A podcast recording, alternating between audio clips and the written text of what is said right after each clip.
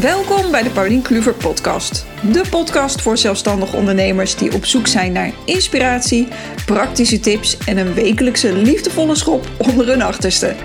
Of jij nu een ervaren ondernemer bent of nog maar net begonnen bent, in deze podcast bied ik jou als ondernemerscoach inzichten en ontwikkel jij vaardigheden die je direct zelf kunt toepassen in je bedrijf. Ontdek wat de thema's en issues zijn waar iedere ondernemer tegenaan loopt. Welke vragen mijn klanten mij stellen en hoe ik ze help. Deze podcast maakt ondernemen makkelijker en leuker. ChatGPT, hot topic. Um, het is er al sinds uh, volgens mij november vorig jaar, 2022. Het is nu november 2023, dus we zijn een jaar verder. En velen van jullie zullen het al in gebruik hebben. Ik werk er zelf nou, ik denk sinds begin dit jaar zo'n beetje mee. Um, en ik zet het in binnen mijn onderneming. En wat ik er vooral mee bereik is uh, tijdswinst, dus meer uh, efficiënter werken. En ook, eigenlijk tot mijn grote verrassing, meer creativiteit in mijn onderneming.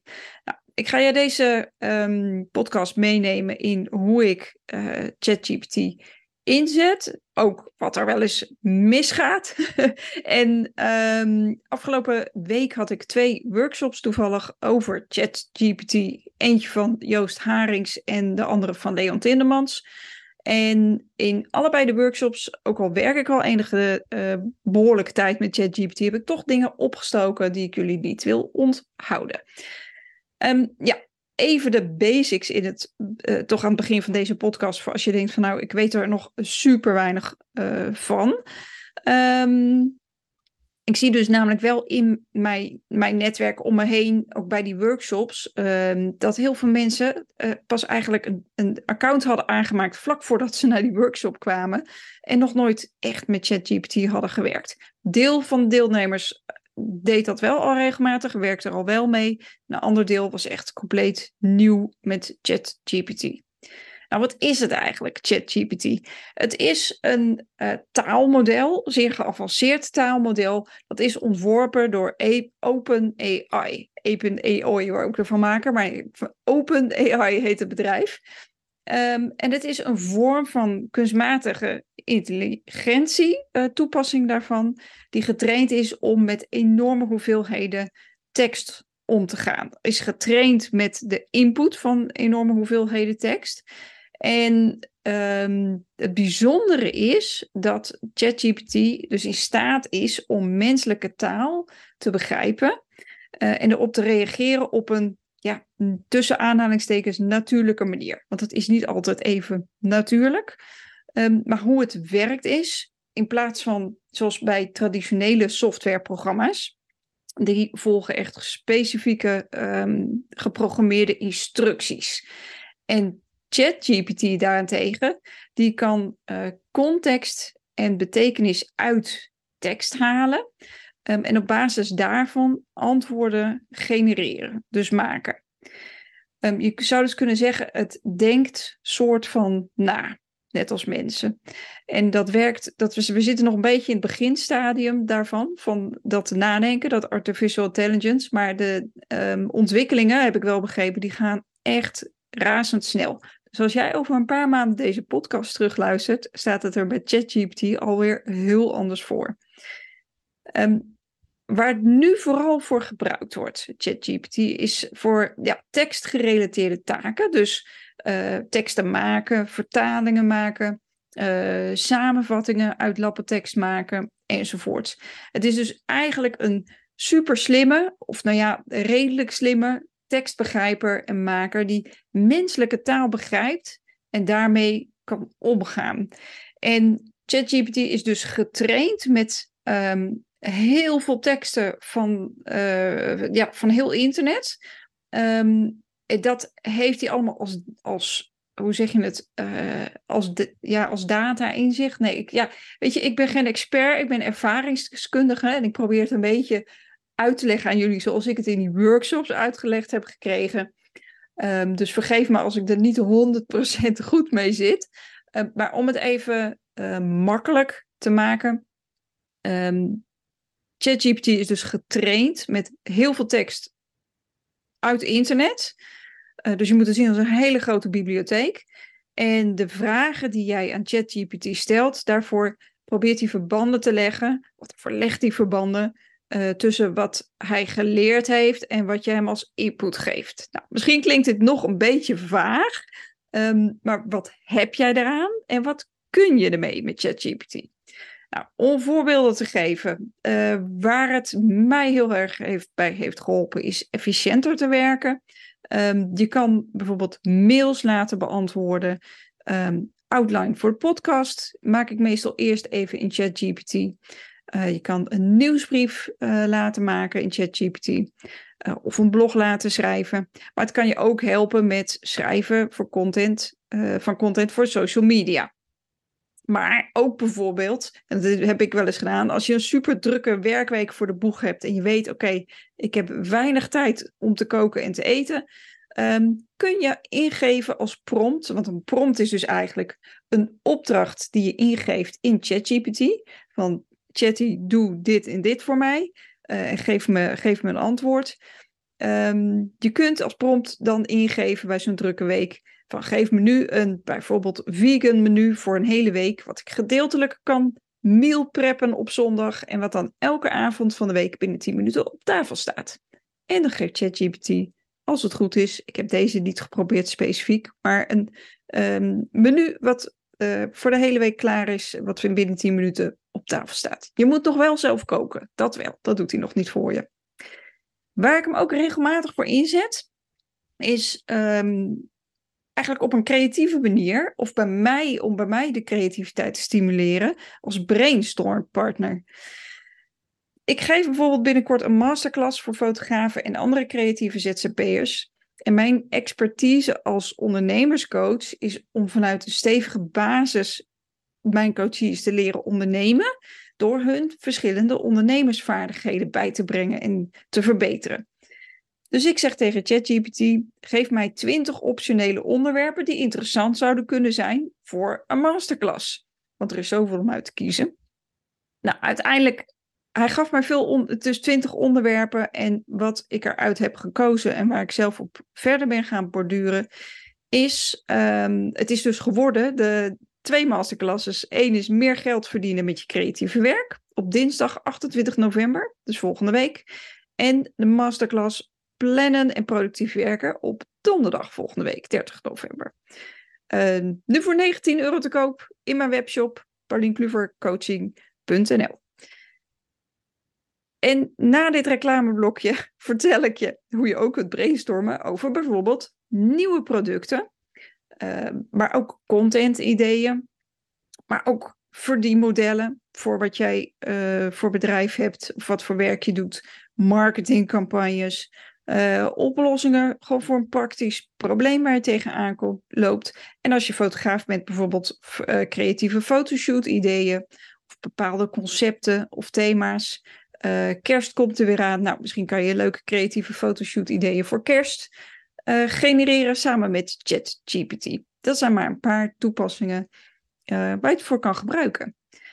En er wilde wel een beetje even de opmerking bij maken dat ChatGPT jou wel misschien inspiratie en andere kijk op dingen geeft, maar voorlopig vervangt het nog niet de mens met zijn menselijke creativiteit en gevoel voor humor en bijvoorbeeld intuïtie. Um, ik weet niet hoe het er over een paar jaar voor staat, maar nu is eh, AI gewoon nog niet zo ver. ChatGPT kan je wel heel goed uit het slop trekken als je even creatief helemaal vastzit en je weer op ideeën brengen. En daar is het wel echt heel goed voor. Bijvoorbeeld, heb jij, uh, ben je auteur en heb je een writersblok?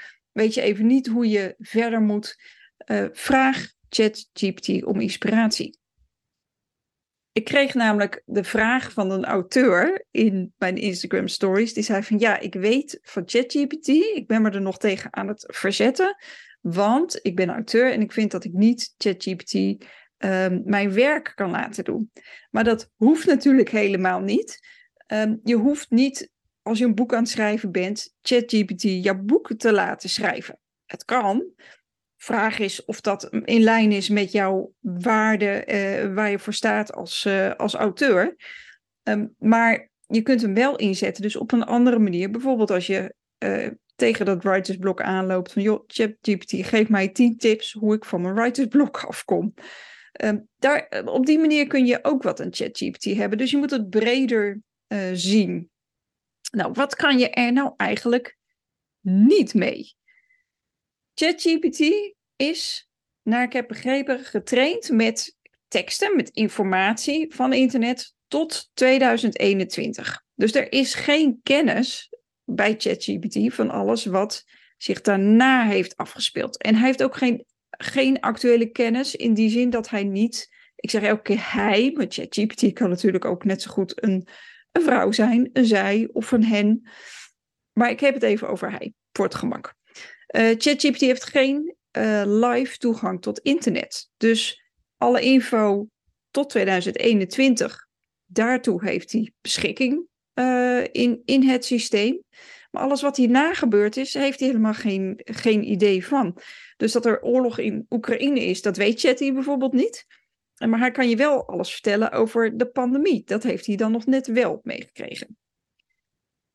En wat ook goed is om je te beseffen, is dat ChatGPT geen kennisbank is, maar echt een taalmodel dat woorden kan voorspellen.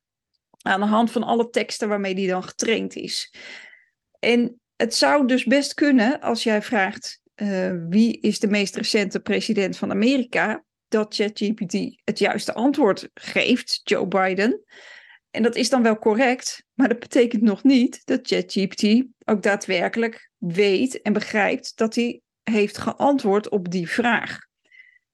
En dat klinkt misschien ingewikkeld, maar ChatGPT is bij jouw vraag alleen nagegaan welke woorden, gegeven de, de volgorde en de verbanden die die dan legt in die enorme berg teksten waarmee die getraind is, het meest waarschijnlijk volgen op de invoer van, van jouw vraag, van jouw prompt. Wie is de meest recente president van Amerika? Dus hij gokt als het ware op basis van alle informatie die hij heeft het antwoord. En het meest waarschijnlijke antwoord krijg jij dan. Dus ja, hij, ik heb dit getest. Hij, heeft, geeft het goede antwoord, Joe Biden. Um, maar of het waar is, dat moet je nog altijd zelf checken. Dus uh, Chatty, ik noem even Chatty, ChatGPT, uh, gokt dus wat er moet komen. Waar moet je dus goed op letten, behalve die fact-checking, is dat je hem ook goed aanstuurt. Want als de input, de prompt, niet goed is, is de output ook slecht.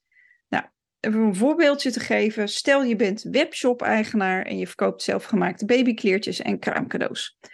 Je verkoopt naar je zin te weinig en je wilt je webshop via social media promoten. Nou kan je ingeven in ChatGPT, geef mij 10 goede content ideeën.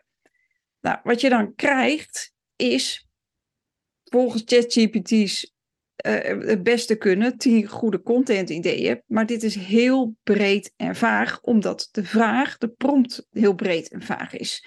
En daardoor is het moeilijk voor Chatty om gericht um, en echt behulpzaam te reageren. Dus de output uh, zal minder goed zijn dan wanneer je wat specifieker bent. Dus ben je specifieker in je prompt, en dan komt er een voorbeeld van een, van een meer specifieke prompt. Ik ben webshop-eigenaar en ik verkoop zelfgemaakte babykleertjes en kraamcadeaus. Mijn doelgroep 1 is jonge moeders met een baby van onder de 12 maanden die unieke kleding, die unieke kleding willen voor hun baby. En niet de geëikte roestbruine Zara-romper die elke baby al aan heeft. Doelgroep 2 is mensen die een hoogzwangere in hun vriendenkring of familie hebben en die geen inspiratie hebben voor een leuk kraamcadeau. ChatGPT, jij bent nu mijn content strategist of content manager of creator. Die kan jij voor mij 10 goede Instagram posts schrijven. Vijf voor de ene en vijf voor de andere doelgroep. En aan het einde van elke post moet een call to action zitten naar mijn webshop. Einde van de prompt. Dit is al een stuk specifieker en hier kan ChatGPT veel gerichter voor jou, voor de webshop-eigenaar van de babykleertjes, mee aan de slag om relevante en daadwerkelijk bruikbare informatie te verstrekken. Dus om dus goede output voor jou als webshop-eigenaar te genereren. Dus wat ChatGPT uh, geeft voor de beste output is een prompt of input die zegt wie jij bent. Uh, je vertelt hem wie hij is, dus jij bent de webshop-eigenaar. Hij is de content-strategist. Wat is de taak? Nou, die goede uh, post schrijven voor Instagram, voor die en die doelgroep.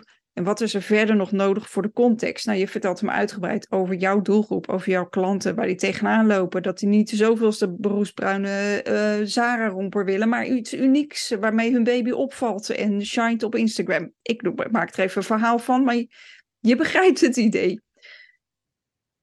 Dus door op die manier je opdrachtjes aan ChatGPT op te bouwen en hem uh, voldoende informatie te geven waarmee hij jou, waarmee hij voor jou zich nuttig kan maken, um, krijg je veel betere output. Maar, dat gezegd hebbende, besef dat dit systeem, ChatGPT, niet perfect is. Dus soms begrijpt hij de context echt niet goed. Dan moet ik hem elke keer weer zeggen van nee, dat bedoel ik niet. Ik bedoel zo, zo, zo en zo. Dus het is geen mens, ook al denk je soms dat je met een soort mens in gesprek bent.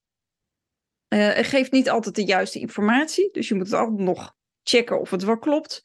Um, ja, en weet je, uh, het wordt, als het goed is, wordt Chatty wel steeds beter gemaakt door steeds meer te laten leren en, en hem te updaten. Maar nog steeds komen er bij de gratis versie van ChatGPT, want je hebt ChatGPT 3.5, uh, dus de gratis versie, die gebruik ik. ChatGPT uh, 4 is een betaalde versie van volgens mij 20 dollar per maand, ex-belastingen. Um, die, de betaalde versie is veel beter. Aan het einde zal ik je de, de verschillen uitleggen. Um, dus het wordt wel steeds beter gemaakt en beter getraind. Maar ChatGPT 3.5, de gratis versie, geeft echt wel een beetje standaard antwoorden vaak. Um, valt soms in herhaling. En het is een beetje ja, robotachtige antwoorden krijg je er soms uit. En het blijft dus altijd belangrijk om te checken of die output wel klopt. Want ChatGPT verzint vaak ook maar wat. En dat kan heel echt overkomen. En vorige week, tijdens die workshop, trapte ik er zelf nog in. Uh, wij hadden een case met een groepje die we moesten oplossen. Uh, voor een bedrijf moesten we een, uh, een soort persplan maken, persbericht laten schrijven. En een lijst met journalisten wilden we benaderen om dat bedrijf, fictief bedrijf, in de landelijke pers te krijgen. Dat was de opdracht. Ik kreeg na een aantal uh, prompts um, en goede aansturing van ChatGPT, dacht ik, een hele goede lijst met journalisten. Want het zag er heel plausibel uit. En ik liet mijn uh, groepsgenoten meekijken. En die zeiden ook allemaal van ja, goede lijst met journalisten. Nou, die gaan we aanschrijven met dit persbericht. En bleek dus, die lijst met journalisten zag er super echt uit. Met de hele uh, omschrijving en expertise erachteraan. Het was compleet verzonnen door ChatGPT.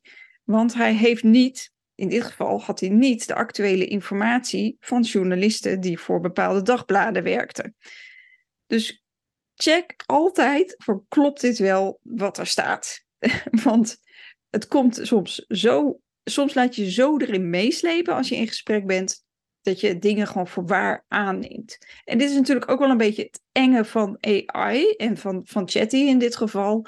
De ontwikkelingen gaan zo snel. Heb je op een gegeven moment nog door dat je, of je tegen een echt iemand praat of niet? Maar dat is een heel andere discussie. Dus daar, hier gaan we het even niet, uh, ga ik even niet op door. Dan het verschil tussen um, ChatGPT 3.5, dus de gratis versie, en nummer 4. Nou, 3.5 is dus gratis en uh, ChatGPT 4 heeft een wachtlijst. Daar kwam ik van de week achter, want ik dacht van oké, na deze twee workshops ben ik wel overtuigd en ik werk al zoveel met, met ChatGPT. Ik ga voor de betaalde versie. Maar er is dus een wachtlijst sinds uh, een paar dagen. Um, heeft OpenAI, de maker van ChatGPT, gezegd van nou, um, we zijn een beetje overweldigd door de belangstelling en uh, je mag op een wachtlijst en geen idee wanneer ik aan de beurt kom om 4 te gaan gebruiken. We gaan het zien. Tot die tijd uh, doen we het met 3.5.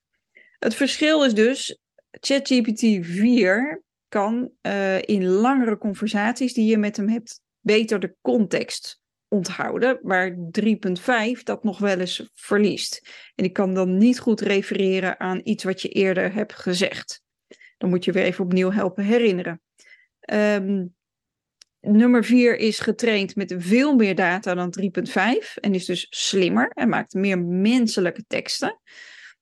4 kan je uh, bestanden in uploaden om te analyseren, bijvoorbeeld uh, Excel-bestanden Um, en dat je zegt van analyseer de, de resultaten uit die bestand. You get the point. Um, en wat, heel, wat wel opvallend is, nummer vier heeft veel meer menselijk gevoel voor humor. Nummer vier, ChatGPT 4, kan jou ook vertellen als jij een afbeelding uploadt, wat er op die afbeelding staat. Um, en daar vervolgens iets mee doen. Wij kregen in die uh, eerste workshop een foto te zien van een fiets, die dan geüpload werd in uh, ChatGPT 4. En met daarbij de prompt, de vraag: uh, ChatGPT, ik wil mijn zadel lager zetten, kan je mij vertellen hoe ik dat moet doen? En ChatGPT die analyseert dus die hele foto. En die zegt: Ja, er zit daar onder dat zadel zit een pinnetje. Als je dat lostrekt, dan kan je je zadel lager zetten, het pinnetje weer vastzetten. En dan, uh, dan moet dat lukken. Want dat soort dingen zijn natuurlijk fantastische toepassingen. En ChatGPT 4, als je dat hebt, kun je er ook je eigen custom ChatGPT toepassing mee maken, die je veel specifieker kunt aansturen. Dat zijn even de belangrijkste verschillen um, wat betreft nummertje 3.5 die gratis is en nummer 4 die betaald is en waar nu een wachtlijst voor is. Nou, zie ChatGPT dus als een assistent, maar eigenlijk eerder nog als een stagiair. Hij is het nog aan het leren en maakt nog heel veel fouten. En het is aan jou om hem goed aan te sturen. En om grondig te controleren of chat jou geen onwaarheden als output geeft. Dus ja, super handig om in te zetten voor je bedrijf. Er zijn vele voordelen te behalen, maar menselijke controle blijft nog steeds noodzakelijk. Dus je moet als gebruiker nog steeds blijven opletten. Dit was hem tot zover. Um, er volgt vast nog wel eens een vervolgaflevering. Uh, ja, aflevering over ChatGPT, gezien de snelheid waarmee zich dit nu ontwikkelt. Um, maar ik vind het allemaal machtig interessant en pas het graag toe. En vertel jou er graag over. Um, dus er volgt vast nog wel een keer een aflevering over ChatGPT. In elk geval, volgende week iets heel anders. Graag weer. Tot dan. Ik heb nog iets leuks extra voor jou gemaakt zojuist. Wil jij zelf aan de slag met ChatGPT, dan heb ik voor jou mijn 10 favoriete prompts, dus opdrachten voor je ChatGPT, op een rijtje gezet in één document. Voor jou gratis te downloaden. Ga naar paulinkluver met een v coaching.nl slash chatgpt. En daar staat het documentje voor je klaar. Dankjewel voor het luisteren naar deze aflevering en heel graag tot volgende week. Laten we in de tussentijd connecten op social media. Ik ben vooral te vinden op Instagram onder de naam Paulien Kluver Coaching, maar ook zit ik op LinkedIn. Abonneer je op de Paulien Kluver podcast als je geen aflevering wil missen.